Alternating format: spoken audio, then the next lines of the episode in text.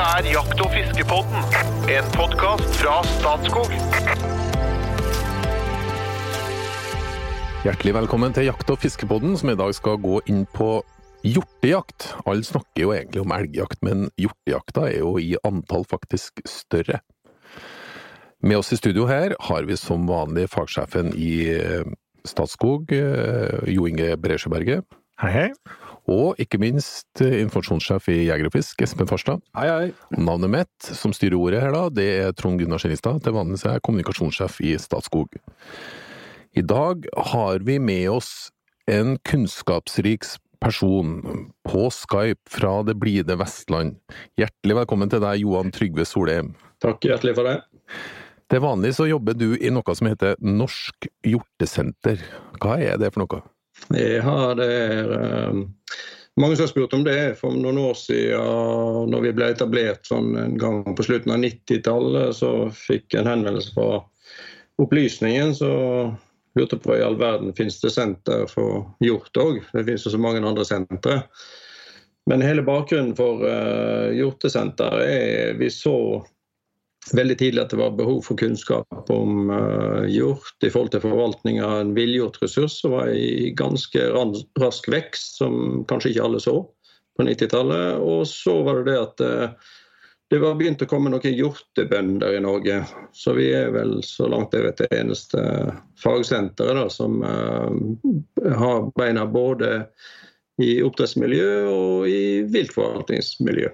Ja, for her snakker vi tam, tamjord, altså oppdrett av hjort? Hjortefarmer rundt Ja, omkring? det- Er det mange i Norge, eller? Rett og slett eh, så er fagsenter for begge, begge disse grupperingene. Da gjort samme innenfor og utenfor. Og det er ca. 100 hjortebønder, som jeg kaller de, i Norge i dag. Spredt fra Fauske i nord og til Grimstad i sør. Og hvis du regner oss som en hjortefarm, men vi har gjort et senter for disse her i vest, og så til Finnskogen i øst. Så det hele Sør-Norge har en eller annen hjortefarm i sin nærhet. Mm. Hvordan, hvordan er en hjortefarm? Jeg, jeg må innrømme at jeg, jeg kjenner ikke til det noe spesielt godt. Nei, altså ideen med hjortefarming, altså det å holde disse fantastiske, flotte hjortedyra innenfor gjerdet, da, eh, er jo å produsere kjøtt. Eh, Fordi en vet at eh, det er en stor etterspørsel etter viltkjøtt, og den har ikke blitt mindre mellom årene. Og så vet vi jo at eh, høsting av de fornybare ville ressursene den er litt uforutsigbar både i tid og rom over tid. Sånn at eh, det å ha da eh, tem, temte ville dyr i fangenskap gjør eh, at kjøttilgangen er mer forutsigbar. Enkelt og greit. Hmm. Hvis vi går litt tilbake nå.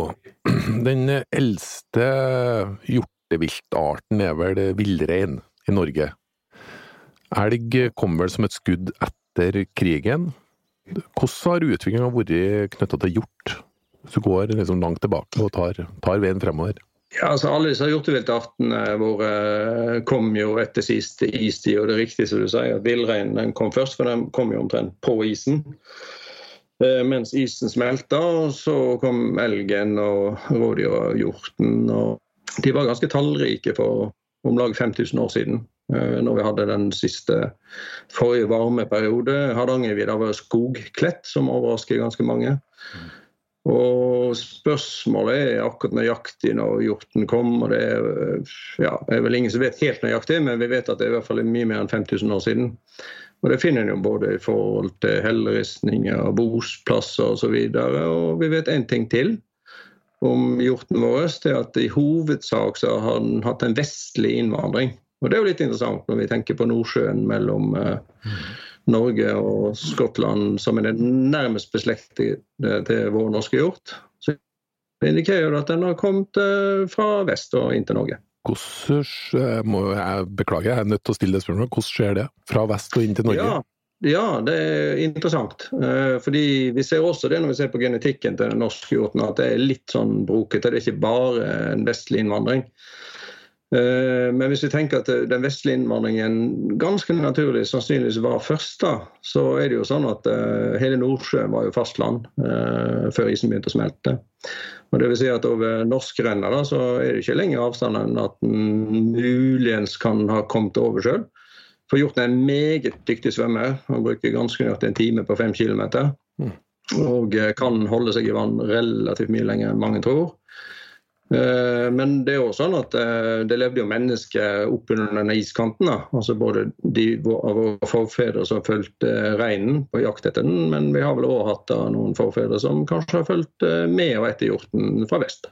Vil du si at vi har en norsk hjortestamme? Ja, vi regner jo den norske hjorten, europeiske utgaven av den norske hjorten som en ren underart av den europeiske hjorten. Så har det fantastisk klingende navnet Servus Lafus atlanticus. Okay. og som da er veldig nær slekt med et motsvarende i Skottland, som er Scotticus. Og Det er de to som er nærest beslekta av disse europeiske hjortene som vi kjenner i dag. Da. Men jeg vil da si at eh, for å forklare det for Trond Gunnar òg, for lyttere kanskje, at eh, vår hjort er mer i slekt med den skotske hjorten enn den er med den danske og den svenske og nedover i Europa på kontinentet.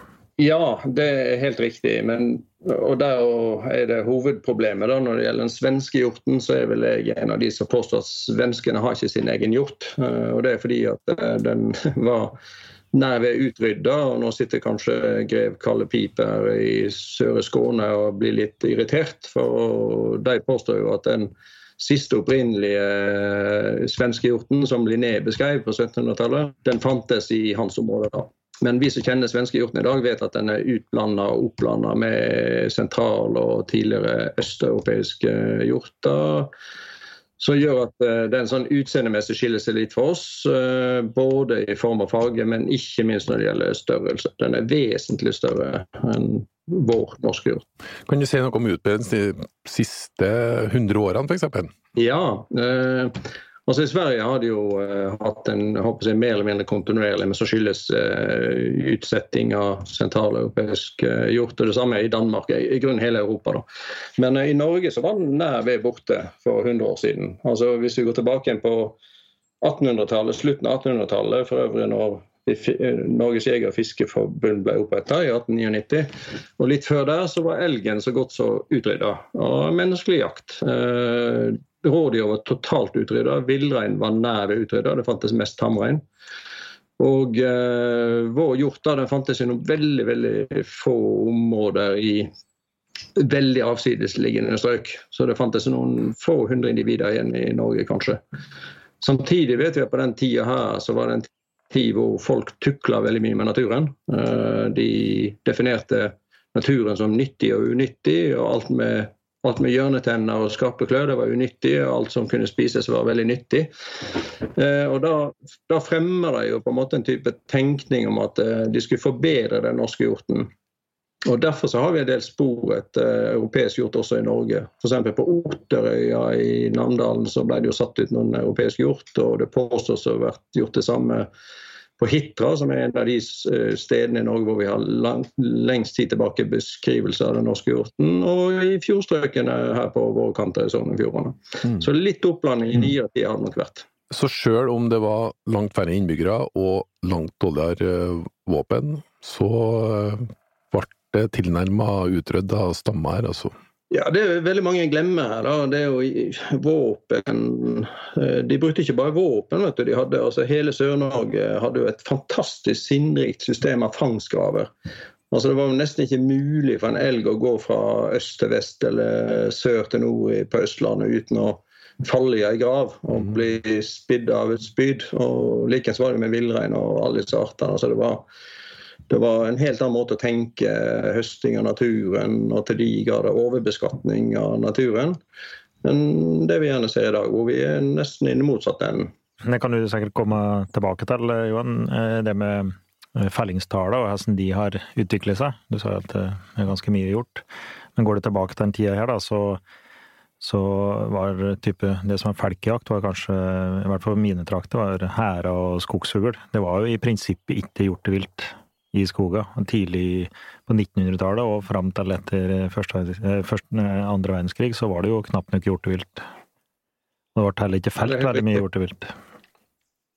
Ja, og det, det, viser jo hvor effektivt en var. Pluss at eh, en må huske på det at det, var ikke noe direkte regulering av disse høstingene. Jeg har jo sjøl slekt fra disse områdene som vi bor nå nede i Sogn. og Besten min, da, som var på ja, stor jeger på slutten av 1800-tallet, han uh, forteller jo om dette med rype og hare og sånt, så de høster i enorme mengder her også. Selv på Vestlandet, som jo er hjortens uh, hjemmerike i dag. Men han fortalte òg det at uh, kom det en hjort inn på bøen, så skjøt de han. Mm. Uansett når det var. Det var gratis mat. Mm. Hvis du ser litt grovt på det, da, så er det først fra tidlig 70-tallet som det virkelig skjøt i veien. Og eh, fangsttallet har gått eh, mer eller mindre til himmels. da. Eh, mange ser på det som en suksesshistorie. Du kan jo dra litt herfor det? Fra 70-tallet? Ja, ja, type tidlig 70-tall. Mm. Ja, altså jeg liker å dra den statistikken litt lenger tilbake enn til 50-tallet. for at noe av bakgrunnen for det er at utviklingen starter egentlig mye før. Men fra 50-tallet så skjer det noe veldig viktig for den utviklingen vi ser, begynner å se på 70-tallet. Og Det er uh, den første jaktloven, eller viltloven, i 52. og Den uh, gjør på en måte sånn som jeg bruker å kalle i forvaltningssammenheng et paradigmeskifte i hvordan man tenker forvaltning. Og Det er når arealkravet blir lagt til grunn for et fellingsløyve. Og Det var vesentlig for å få til den endringen, i tillegg til de eh, mer eller mindre menneskeskapte endringene som har skjedd før det. Så helt riktig når du ser fra 70-tallet, så begynner vi å se at eh, ja, bestanden av disse forskjellige hjorteviltartene, skoglevende, med rein som unntak, da, klatre oppover. Veldig interessant på den utviklingen er å se at elgen og rådyr de skyter veldig stor fart. og Alle lurer på hvorfor ikke hjorten uh, gjør det samme, men det er jo fordi at hjortekollet får én kalv i året, mens disse andre har en helt annen strategi og kan få flere avkom, opptil tre, hvis forholdene er gode nok til det. Men det er egentlig den samme utviklingen som ligger til grunn. Hvordan er utviklinga på hjort ulike steder i landet? Vestlandet står veldig sterkt på hjort, ikke Ja, og det har jo altså det har flere som sagt, det, er sammensatt det her. Ehm, så forvaltningsregimet har hatt en ganske stor vært med å lage rammevilkårene. og Så har du jo de naturlige endringene sånn i forhold til klima. Og så har du de endringene som går i forhold til hvordan vi som mennesker utnytter areal. Og da tenker jeg særlig på energi. Sant? I dag henter vi alt i Nordsjøen eller i fossefall. Før så hogg en alt en kunne hogge, enten det var bergverksdrift eller seter og uh, osteproduksjon, eller bare for å holde varmen i huset hjem. Så det har skjedd en enorm endring i naturen som disse dyra holder seg i, hvordan vi forvalter dem. Uh, og det har medført at fordi vi har hatt uh, en for liten uh, avskytning eller for liten høsting i forhold til det, vi har, det naturen på en måte har produsert her, da, så har en sett at en stadig har vært i etterkant. og Dette gjelder spesielt for hjorten nå, som for noen få år siden ble da det mest tallrike antall felte dyr, som har overrasket veldig mange, som selvfølgelig i ettertid er veldig lett å forklare. Burde vi skutt mer hjort? Ja da, vi kunne skutt mer hjort, men det som kanskje er Og vi kan skyte mer hjort i årene framover, men det som kanskje er den store erkjennelsen nå, da, når en kanskje tenker at eh, det er ingen trær, eller vi vet det er ingen trær som vokser inn i himmelen, og selv om noen vil si at eh, den veldige utviklingen en har sett, det har vært en kjempesuksess, så er vel baksida av den suksessen det at den har høsta veldig feil. Eh, og Det gjelder de andre hjorteviltartene. Vi overbeskatter hanndyra, så snittalderen er altfor lav. Og så er vi redd for at uh, den kolla, stamkolla skal bli skutt, så vi, vi, holder litt igjen når hun kommer og lar hun gå. Og Dermed har vi rekruttert inn en stor andel av den bestanden som er igjen etter jakta, med hodyr, produktive hodyr og veldig liten andel hanndyr, dessverre. Og da blir det sånn. Altså Bestanden er i ferd med å bli for stor? Var det sånn du var det det du forklarte nå? Eh, ja, altså det, det med for skal jeg være litt uh, forsiktig, for det er helt avhengig av hvem en spør. Men det som er vår bekymring da ved hjortesenteret, er at uh, sammensetningen i den bestanden som er igjen etter jakta, er uheldig. Altså Den er ung, og hanndyrandelen er liten, og det får noen langtidskonsekvenser som vi mener ikke heldig, og da tenker vi ikke på oss som mennesker av vår interesse, men for hjorten som art. Altså Hvis hjorten som art skal ja, på en måte ha muligheten til å tilpasse seg og bruke den naturen den er skapt for å være i, så er det viktig at den måten vi høster på, gjør at det er en mest mulig robust bestand som går igjen etter jakta. Og ikke det som vi mener vi er langt på vei i ferd med å gjøre nå. Vi sparer de svakeste dyra, så skyter vi de beste dyra. Hvordan forvaltes, eh, hvordan forvaltes hjort i forhold til annen forvaltning? Nei, altså det er jo de samme prinsippene som ligger til grunn. Det er en vesentlig forskjell det er det med antall kalver da, i forhold til de andre, to andre skoglevende hjortviltartene våre. Men uh, ellers er prinsippet det samme. Uh, og mye av forvaltningen har vært for å være sentralstyrt, altså med viltlovene 52, og så fikk du Miljøverndepartementet 74, og så fikk du disse miljøkonsulentene osv. som har sittet omtrent og detaljstyrt ned på, på lokalplanet. Og så skjønte man vel tidlig på 2000-tallet at det, det der funka fryktelig dårlig. Så kom man over til det som i dag heter grunneierstyrt forvaltning.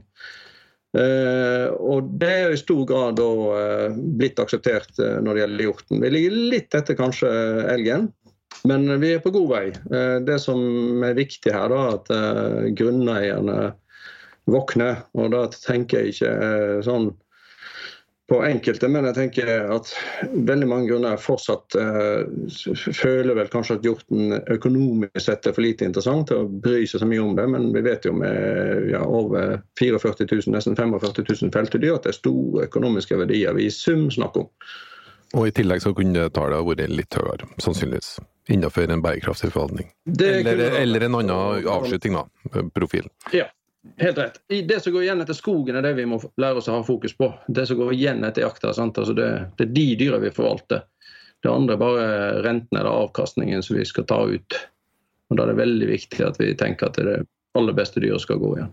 Og det, det jeg vet at vi er helt enige, Johan Trøgge. Men uh, du kan jo kan du dra litt rundt det. da, For det, det, her ligner ganske mye på elg, og det vi har vært gjennom på elg. På uh, på sentrale Østlandet, som jeg kjenner best, altså type vi har hatt for høy elgstamme, så har vi skutt ned. Men det er fortsatt et problem at det er for få voksne okser, eller bukker, da, på hjorten. Og at ja. Eh, folk er ikke tøffe nok til å skute kalv. Vi har, vi har pratet om det i en tidligere episode med kalveskuting på elgjakt, som jeg prater varmt for det.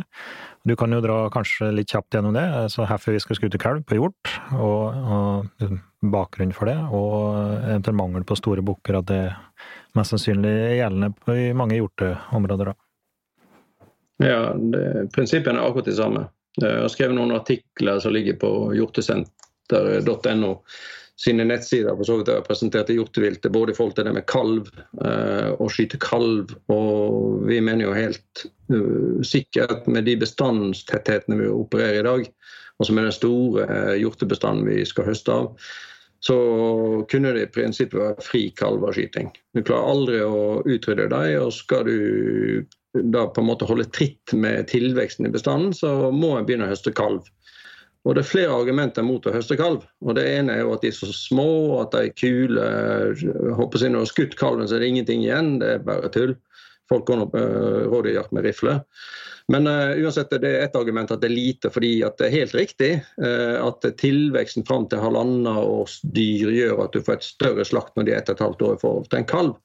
Men problemet er at uh, med de store bestandene vi har, og når du da neste påfølgende år koller for en ny kalv og går med fjorddyret på det samme samarbeidet, som er minimumsfaktoren, så overbeskatter du disse beitene. og Det medfører dårlig kvalitet.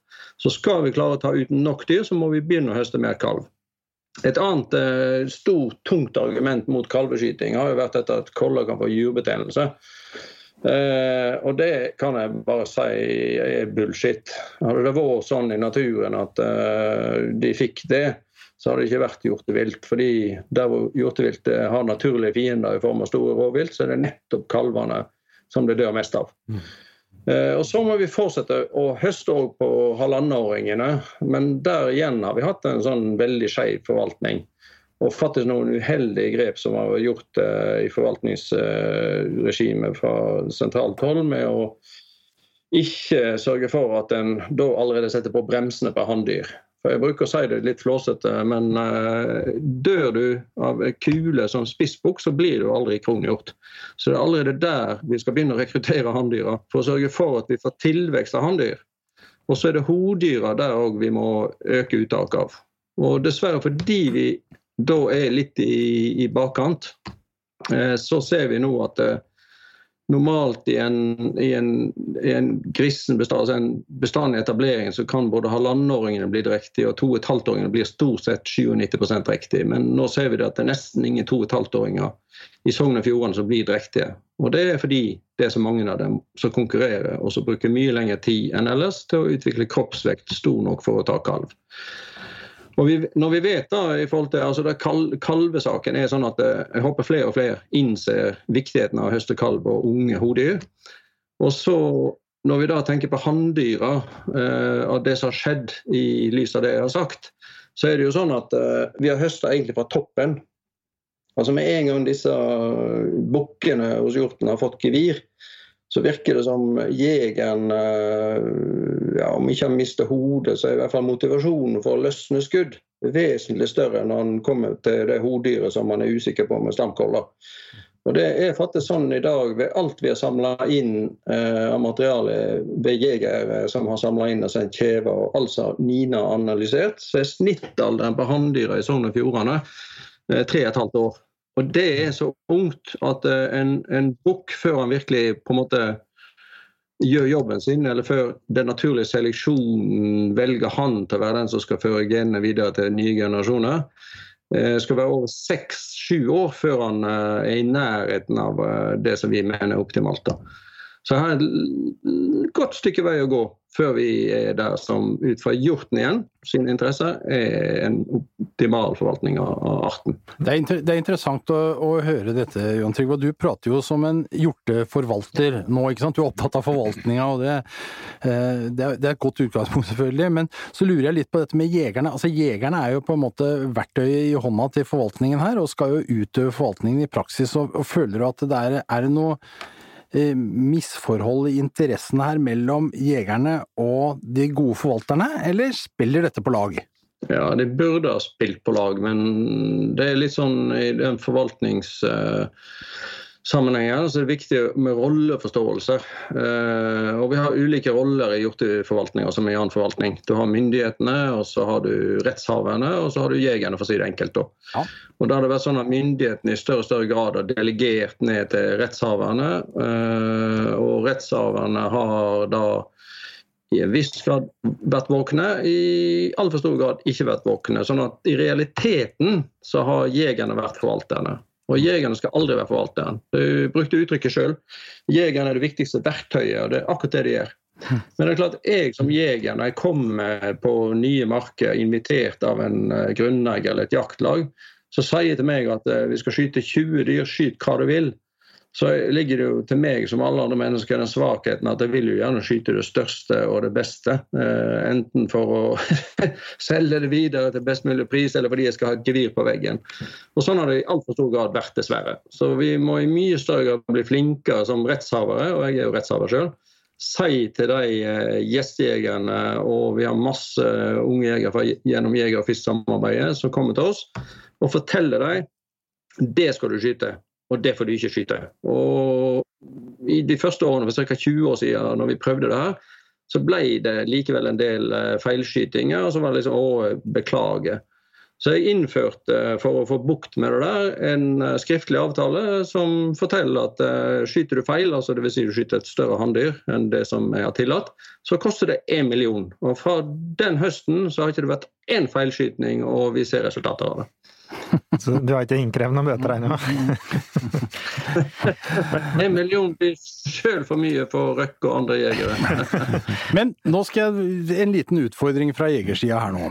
Uh, ja. Jeg sitter på Østlandet, registrerer at uh, fellingstallene på hjort øker fra år til år. Nå er det jo all time high på 3 000 som vi felte i fjor. Uh, og jeg er jo såpass lidenskapelig jeger at jeg tenker jeg skulle gjerne vært en tur og jakta litt hjort på Vestlandet. Men det er ikke et vell av tilbud som står i stil med den veksten i, i hjortestammen som vi har sett på Vestlandet, med tilbud til jegeren. Jeg synes det er, det er vanskelig å finne fram i en litt sånn fragmentert grunneierstruktur på Vestlandet, og jeg kunne godt reist over med mål om å skyte to hjortekalver. Altså, Det hadde ikke trengt vært noen storbok for meg, så jeg kunne gjerne bidratt hvis det hadde vært en riktig forvaltningsgrep, liksom. Men det er vanskelig å slippe til på hjortejakta på Vestlandet for en østlending, er min påstand. Ja, Hvis du snakker med vestlandsgrunner som mener at det er altfor mange østlendinger på jakt her, så Men det er mer enn én, ikke sant? Ja. Men, men, jeg skal svare seriøst på det, da, fordi jeg er helt enig med deg. Og det er veldig beklagelig.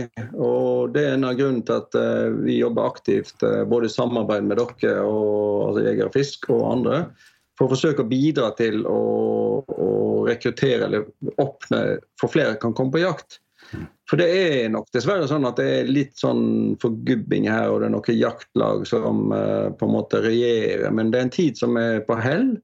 Så derfor tenker jeg at uh, ting tar tid, så vi må være aktive nå og rekruttere og organisere, slik at vi ikke bare fra Østlandet, men fra hele landet mm. uh, kan få inn flere jegere til å oppleve den fantastiske muligheten som ligger der. Og ikke minst hvis det kan bidra til, til, til ja, både næringsutvikling, og at det blir større på en måte, At det blir oppfatta som en bedre ressurs, da, også for rettshaverne, som er delt mellom å se det som en mulighet, og andre som dessverre ser det som et stort problem. Men vil ikke ønsket om mer kalveskyting eller halvannetåringer på en måte drive prisen nedover i forhold til næringsutvikling? Altså de vil kunne ha mer penger å skyte i en bok? Og, og, og, vil, ikke dermed på en måte, vil ikke dermed på en måte jaktturisme, hvis vi skal kalle det det, da, at det kommer folk fra andre steder av landet og over til dere, på en måte Hvis man skulle hente penger ut av dette, så blir det liksom litt sånn i konflikt med det der ønsket om å skyte mer kalver? Nei, Jeg ser ikke det nødvendigvis uh, sånn, da. Men det har liksom med hvordan vi, hvordan vi, har organisert det med å tenke kommersialisering, om, som vi egentlig snakker om nå. da. Mm. Og Da er det klart uh, det er lettere å selge en, en stor bukk uh, for en høy pris enn en kalv. så det er helt riktig. Men altså, jeg tenker den måten vi har gjort det på nå, så har vi overbeskattet de hanndyra så til de grader at det er i realiteten få steder det det er store bukker. Mm. Og Hvis vi skal få til det, så krever det jo veldig mange år med knallhard disiplin for å få opp disse bukkene. Og I mellomtiden så kan du høste veldig mange kalver og ungdyr. Eh, så selv om snittprisen er lavere, så blir jeg, antall kall de kunder da, som kom eh, vestover, mye større. Og Da må, legge, jeg legge på en måte verdien andre steder, for da er det ikke trofeet vi snakker om lenger. Nei. Da er det kjøttet, da er det alt som er rundt det. Med, ja, de skal gjerne leie hytte, eller de skal ha noe guiding. de skal jeg opplever noe mer når de først er på disse kanter. Mm.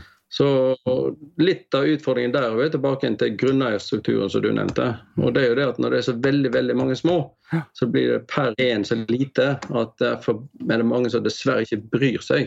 Men det er viktig at de begynner å bry seg. Mm. For over tid så er jo dette faktisk veldig store verdier. Da. Og jeg mener den kommersialiseringen som vi snakker om her, den ødelegger ikke for allmennhetens tilgang for jakt, som jeg vet jeger og fisk er veldig opptatt av. Og det er jeg òg veldig opptatt av. Men det ødelegger faktisk ikke for det. Nei. Eh, snarere tvert imot. Det går hånd i hånd. For det, det, må være en eller annen form for en nøkkel her som er mulig å få til. Så vi både kan tørre å snakke om penger og tilgang, og at eh, vi høster riktig og forvalter riktig. Mm. Tre ting kan dere gutter. Det er kinderegget, det der. Ja, ja. Men det er vanskelig for voksne menn å ha så mange tanker i huet på en gang, vet du. Det er det. Ja. Er 44 000 som blir skutt. Hvor, hvor blir de skutt, da? Jeg får ikke helt tak i det. Altså, må, må, skal alle sammen reise til Vestlandet for å skjøte hjort? Nei da, altså nå øker det. Det er så flott eh, her nå. Du nevnte jo det i stad at det, det er all time high både på Sørlandet og Østlandet. og Det går nordover og det er kommet opp til Sortland. Den blå byen i Lofoten er det gjort, og det er villgjort lenger nord òg. Og så kan jeg diskutere om det kom fra svensk side eller om de har gått kysten oppover. Men uh, uansett hva de første pionerdyra har gjort, så er de på vei. Mm. Så det vil si vi vil få mer eh, gjort eh, i hele Sør-Norge og på vei nordover. Mm. Og det som jeg har tenkt å følge, for det er dessverre Jeg ser altfor mye av det. Og Jeg har sjøl vært med å, å, på en måte motivere F.eks. var jeg på Kongsvinger for noen år siden og holdt noen foredrag der for kommune og fylke og grunneiere for at de skulle åpne for jakt i Kongsvinger kommune. Og advarte de veldig sterkt om at de ikke skulle skyte de store, flotte bukkene.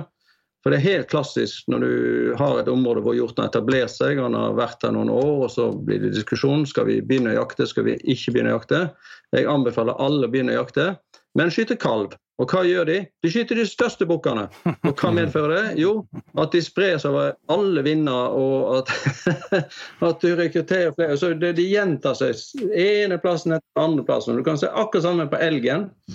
Eh, når den spredde seg nordover, så gjorde de akkurat det samme. De skjøt de store, flotte oksene først, og så fikk de problemer. Og dessverre så, så, Eller ikke dessverre, jeg har veldig stor glede av å holde på å lage en ny film vi har begynt å lage masse filmer for å spre kunnskap om det. Og nå holder vi på å lage en ny film som kommer ut ca. 2020, altså neste år.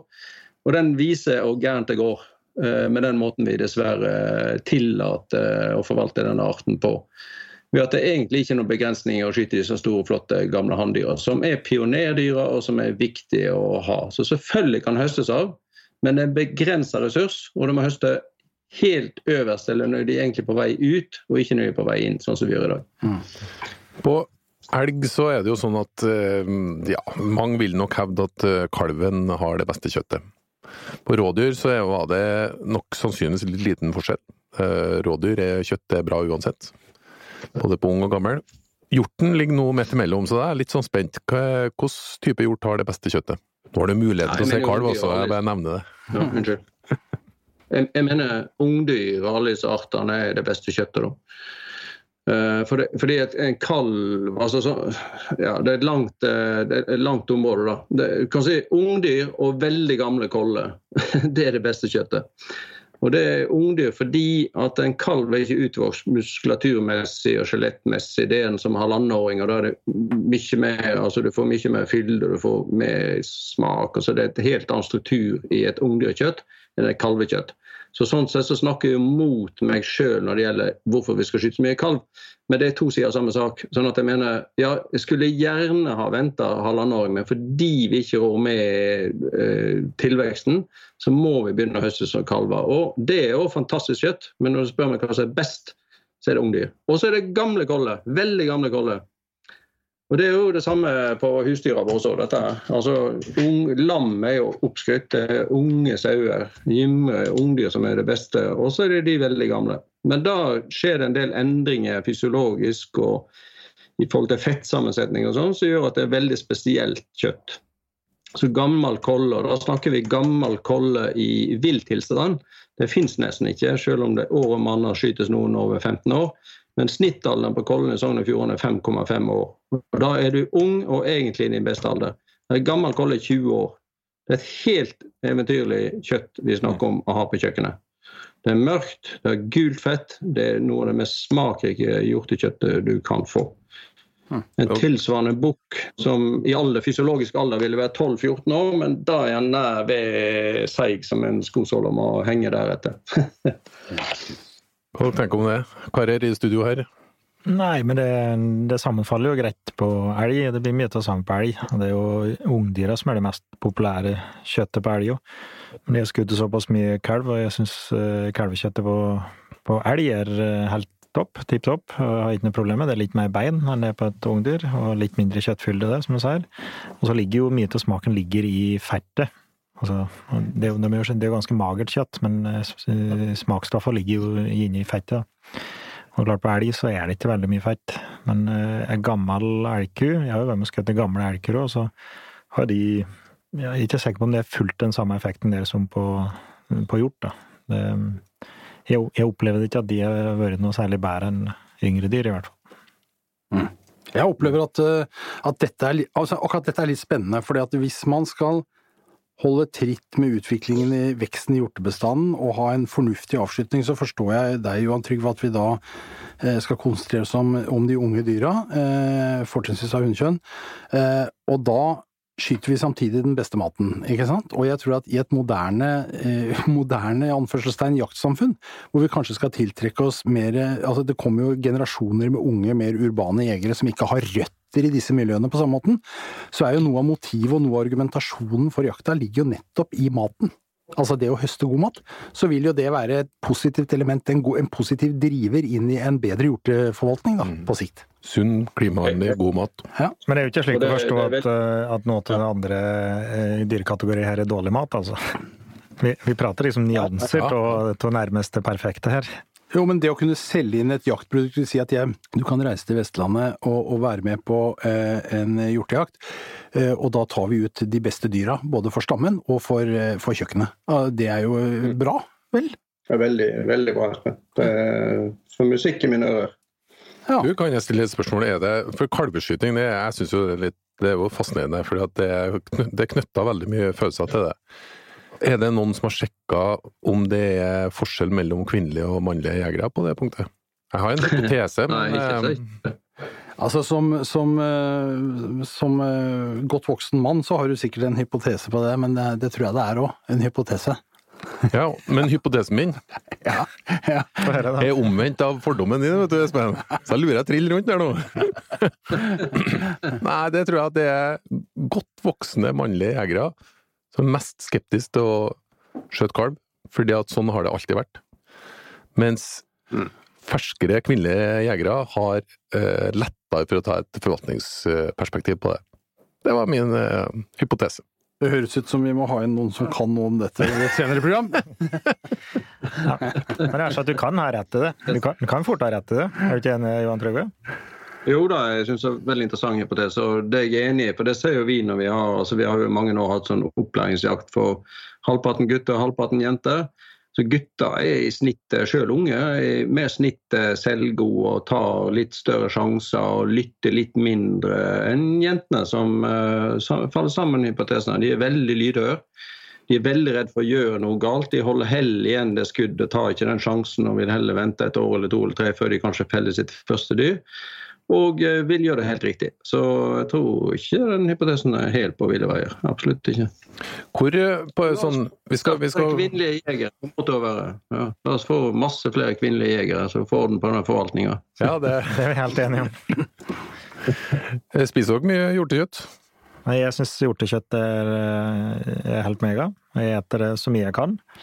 Og jeg har eh, bedre tilgang på elg og rådyr, så det blir jo typisk det eter mest av. Men så fort det ja, blir bedt med på jakt eller eh, skutt til hjort, så eter vi den, selvfølgelig. Helt, helt mega mat. Mm. Spenn? Ja, nei, jeg er så heldig at jeg får eh, komme på Vestlandet da, og, og, og jakte en helg eller to i året. Og, og får som regel med litt hjortekjøtt hjem, og det er Ja, det er vel ved siden av rådyr favoritten. Ja. Mm. Så jeg har en mistanke om at du spiser det ganske ofte, Johan Trygve? Ja.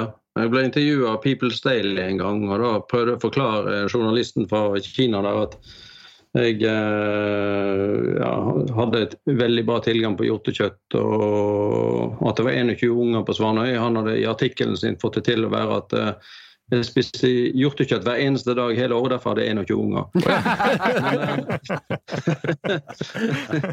Men men det Jo da, jeg spiser det ofte, og jeg har vel samarbeidet så mye med Når vi snakker om mat og glede rundt mat, jeg har vært så heldig å få samarbeide med noen av de aller beste kokkene her i landet, både kjente og ukjente. Og det er jo ganske unisont uh, at hjorten står veldig høyt i kurs. Eh, også hos deg. Så både Andreas Wiestad og Øyvind Hellstrøm eh, har uttalt i det offentlige at eh, hjort er det aller beste viltkjøttet. Mm. Så da er det ikke sant, da. Men jeg er jo, jeg er jo inhabil. jeg, jeg, jeg, får ikke regnestykket til å gå opp. Jeg må innrømme det. For hjortekjøttet er helmaks. I og med at dere jakter på hjort, som har alle jaktmuligheter, så tipper jeg at hjortejakt ikke er det, det er ikke kjedeligste du kan gjøre. Nei, det er spennende og utfordrende. Ja. Ja, og, og grunneiere som har gjort, har da en økonomisk ressurs.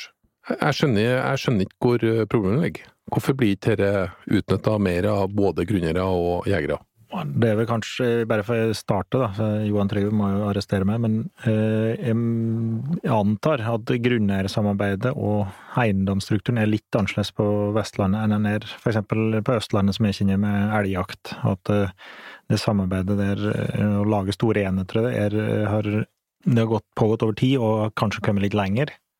Stemmer ikke det, Johan Trygve? Mm. Jo da, jeg er helt enig. Grunnstrukturen her er vesentlig forklaring, da faktisk. Mm. Og at man ikke har gått, inngått samarbeid. For det har man gjort uh, ganske omfattende rundt elg, da. Ja, det er helt riktig. Ja, og da, da organiserer ja, det, og så er det da Så fort du har fått organisert opp det her, så er det jo muligheter da, til å ha et lag, eller at du leier ut jakt, eller altså kommersialiserer det videre. Hvis ikke det samarbeidet fungerer, eller at det ikke er noen økonomisk Altså at en liten eiendom ikke ser den økonomiske vinninga i det heller, så er det ikke sikkert de har noe interesse å hvis, hvis, det betyr noen hundrelapper eller maks en tusenlapp i året, så er det ikke sikkert det er nok til å engasjere mm. eh, grunneiere. Nei da, det er helt, eh, jeg er helt enig i det. Men det er én ting, vi må ikke glemme historien her. da. Og det tok noe tid før hjortebestanden eh, at det ble synlig at de var i så rask vekst som de er. For kan tenke Hvis du går tilbake igjen, eh, til 1990-tallet, altså 1990 omtrent da jeg begynte å planlegge hjortesenter på Svanøy, så ble det skutt eh, i underkant av 10 000 hjort i Norge. Nå skyter vi over 40 000, så, men samme år var det skutt omtrent 30 000 eh, elg og rådyr. Sånn at det var sånn milevis i fase. Og det vil si at det hadde jo skogbruk allerede pådratt seg kjempestore problemer. sånn som Presset mot elgforvaltningsregimet, elgforvaltningsregime, eller hele elgforvaltningen var mye, mye tidligere. Det ble mye tidligere press da, før en klarte å ta grep og gjøre de endringene. Og så Hjorten har vel eh, da både kommet litt senere her, men det er jo i de senere årene at det virkelig har blitt fokus på det som noen kaller altfor mye hjort, som jeg mener er en kjempestor ressurs, men som vi må bli flinkere til å håndtere. Det er ingen tvil om. Hva er konsekvensene av en bestand som blir for stor? Potensielle konsekvenser? Ja, altså, det, det, er flere konsekvenser. For hjorten sin del så er det jo det at vi ganske tidlig så det vi kaller tetthetsavhengige effekter. Og så går utover kondisjon og livskvalitet og overlevelse og reproduksjon for hjorten i seg sjøl. Men for oss som jegere, bortsett fra å få litt mindre dyr i fryseboksen, da, så er det jo det at eh, det begynner å bli ganske mye viltpåkjørsler. Og, altså veitrafikk, bane, og så har du store problemer med gran. og ja, Grana hører ikke hjemme her, men noen planter på Vestlandet. Og, og skog, skogen er fint skjul for hjorten om vinteren, og så er det ikke mat der, så ødelegger de grana. Så er det det med skogbruk og hjorten en konflikt. Og ikke minst de strukturendringene vi har sett i jordbruket, med store enheter. Få som driver store areal, og de leier jord. Altså det er mye leiejord som de som driver stort med melkeproduksjon i dag eh, har. og så har rettshaveren beholdt jakta sjøl. Så han driter vel egentlig i uh, jorda. Han er mest interessert i leieinntektene, og så er han opptatt av jakta. Da blir det konflikter, og det bare vil øke. Mm. Men det er, vel, det er vel slik på hjort uh, altså du nevnte høye elgbestander, og det har jo vært i en del områder. På Østlandet så har det vært for mye elg for lang tid. Altså beitene, og Sørlandet ikke minst. En historie med nedbeiting, og det tar lang tid å få opp av de beitene, og små dyr og dårlig kondisjon. Men det kan jo se ut som at hjorten eh, den er i hovedsak en graseter, altså eter andre ting enn elgen her. At den eh, om der eh, tar seg tidligere, at ikke de vektene engang er så tydelige på hjort. Stemmer ikke det? Ja, den er ganske tydelig, dessverre. Så er den, uh, I de områdene her så er den uh, veldig tydelig. Men det som er interessant i forhold til det du peker på der, som er lett synlig, jeg hadde jo sjøl gleden av å jakte nedover på Sørlandet og Østlandet, Drangedal bl.a., hvor du så altså elgene var så små at de var omtrent like små som en hjortestor. Og i de samme områdene hvor elgen da etter hvert så tydelig Eh, var prega av overarbeiding. Eh, så kom hjorten, etablerte seg og ble kjempestore. Så Det indikerer jo akkurat det skillet du sier i hvordan de utnytter vegetasjonen. Men det er nok i sommerhalvåret mer overlapp enn mange tror. Spesielt vinteren at elgen har et kjempestort fortrinn framfor hjorten vår. Og Det knuser både til snø og hva en ellers kan utnytte for å overleve. Så Grunneier så ønsker du å utnytte denne ressursen litt bedre? Ta i bruk den, eller utnytte den bedre? Hvordan, hva, hva burde du tenke på eller gjøre? Hvordan går du frem? Skulle du komme på de tanker da, og ha en liten eiendom sjøl, så må det rett og slett samarbeide. Og du må inngå i et samarbeid med andre grunner for å få et stort nok areal til at det ville være interessant, enten å leie ut eller for så vidt òg jakte sjøl og forvalte. Så, så, det er først og fremst å få til et fungerende grunneiersamarbeid. Det vil jeg, det vil starte, i hvert fall. Mm. Helt enig. Og hvordan det det... gjøres tilbudene tilgjengelig i dag? Nei, Hvis du først har gjort, eh, gjort, den jobben og fått etablert et grunnlag, eller et utmarkslag, eller måtte kalle det, og, og eh, har, det er en godkjent hjortevillplan, og du du får tildelt en kvote, så det å selge den er antakeligvis den enkleste jobben. Ja, så det er jobben for det. Ja, det vil jeg tro. For det, som Espen sier, det er jo vi som bor på Østlandet, oppfatter det som vanskelig å komme til. slipper Slippe lettvint til på jakt på, på hjort på Vestlandet. Og vi er jo heldige å ha, ha kontakter, så vi slipper til for det. Men hvis du ikke har det, så er det ikke veldig enkelt. Og det er klart, det markedet er helt sikker på er der. Så, og det er typisk det i natur eller her noe der, så vil du veldig enkelt kunne selge, selge hjortejakt. Det tror jeg faktisk. Så mye av tilbudene ligger ikke åpent tilgjengelig ut? De selger, de, enten så bruker grunneierne dem sjøl, eller de selger det privat? Johan Trygve? Ja da, det er riktig. Så det er en ting som jeg tenker er viktig å ta høyde for her. Da. Jeg er helt enig med Jo Inge og et grunneiersamarbeid det må ligge i bunn. og Så kan en finne forskjellige kanaler for å omsette det. Men det som jeg tror er viktig å ta høyde for, eh, fordi samfunnet vårt er i så stor endring som det er, så er det mer, mer slutt på de som har anledning til å forplikte seg til å være med i et lag og skal fylle en kvote i løpet av en høst. Det er flere og flere som har lyst til å være med. Men da vil de være med inn kanskje en Viken eller ja, bare for en kort periode. Og mange av de har ikke anledning til å ha med seg kjøttet eller et helt slakt, men uh, noen vil kanskje ha bare deler av det. Så organisering på hvordan kjøttet håndteres er også veldig interessant å se på og tenke seg mulige måter å organisere det på. Det, det... Og Der tror jeg at det ligger en stor mulighet. Ja, for det, den der, der vil jeg gjerne tygge litt på, Johan Trygve. for akkurat den, ikke sant, altså Som en gjestejeger eh, fra andre steder i landet skal komme inn i et rikt eh, hjorteområde og være med å jakte, så kan man på en måte ikke bli en så integrert del av forvaltningen som jegerne ideelt sett skal være. Fordi man bare er inne en liten tur og drar igjen. Man shopper en opplevelse. Men jeg tror at hvis, hadde, hvis noen hadde lagt ut et område med hjortejakt og beskrevet det litt og sagt at eh, du kan få komme over her og jakte hos oss en helg, men da får du bare skyte kalv og halvannetåring. Og det er fordi vi driver en vilt en, en, en, en målretta eller strategisk viltforvaltning i dette området, sånn og slik. Så tror jeg en moderne jeger tar til seg det uten problemer. Det er ikke noe ønske nødvendigvis å komme over og skyte en stor bukk. Det, det, er jakta, de spektakulære vestlandsliene, opplevelsen av å få være på hjortejakt, og kanskje ha med seg det beste kjøttet igjen, da, på toppen av det hele. Det er et kjempeflott produkt. Så, så jeg, mhm. jeg, tror vi, jeg, tror vi, er litt, vi er litt opphengt i en sånn der gammelt bilde at det, det, liksom nesten skal komme en tysker og skyte en kronhjort, liksom, for at dette skal lønne seg. Jeg tror ikke det. Jeg tror det kan finnes et marked for en helt ordinær jeger som kan komme inn og være med, og det kan gjerne være en helhetlig forvaltningsplan rundt området uten at jeg trenger å måtte reise over til Vestlandet fire ganger den høsten. Mm. Og det er klart, Når du prater om det, hvis da hesten går fram, da, og du har det samarbeidet, som Johan Trygve her, da da er jo det, er det et marked, da. Altså gjestejakter, eller at det, type, det kommer folk for en kortere tid, men at det er et lag der, eller at grunneiere samarbeider om å ta ut det meste av kvota, og så har de type betalende gjester, eller mm. kunne selge kortere jakter, ikke sant. Mm. Det er et marked for, garantert. Mm. Det er spennende. Ja, og det kommer til å øke. Det er veldig spennende. Mm. Og det må vi bli flinke på. Og, og, som Johan Trygve sa, at eh, folk kanskje ikke i dag nødvendigvis har tid eller mulighet, eller kan heller, å ta vare på et helt slakt. At det har et opplegg for nedskjæring, eller så at du kan få kjøpe med deler av et slakt hjemme, for eksempel.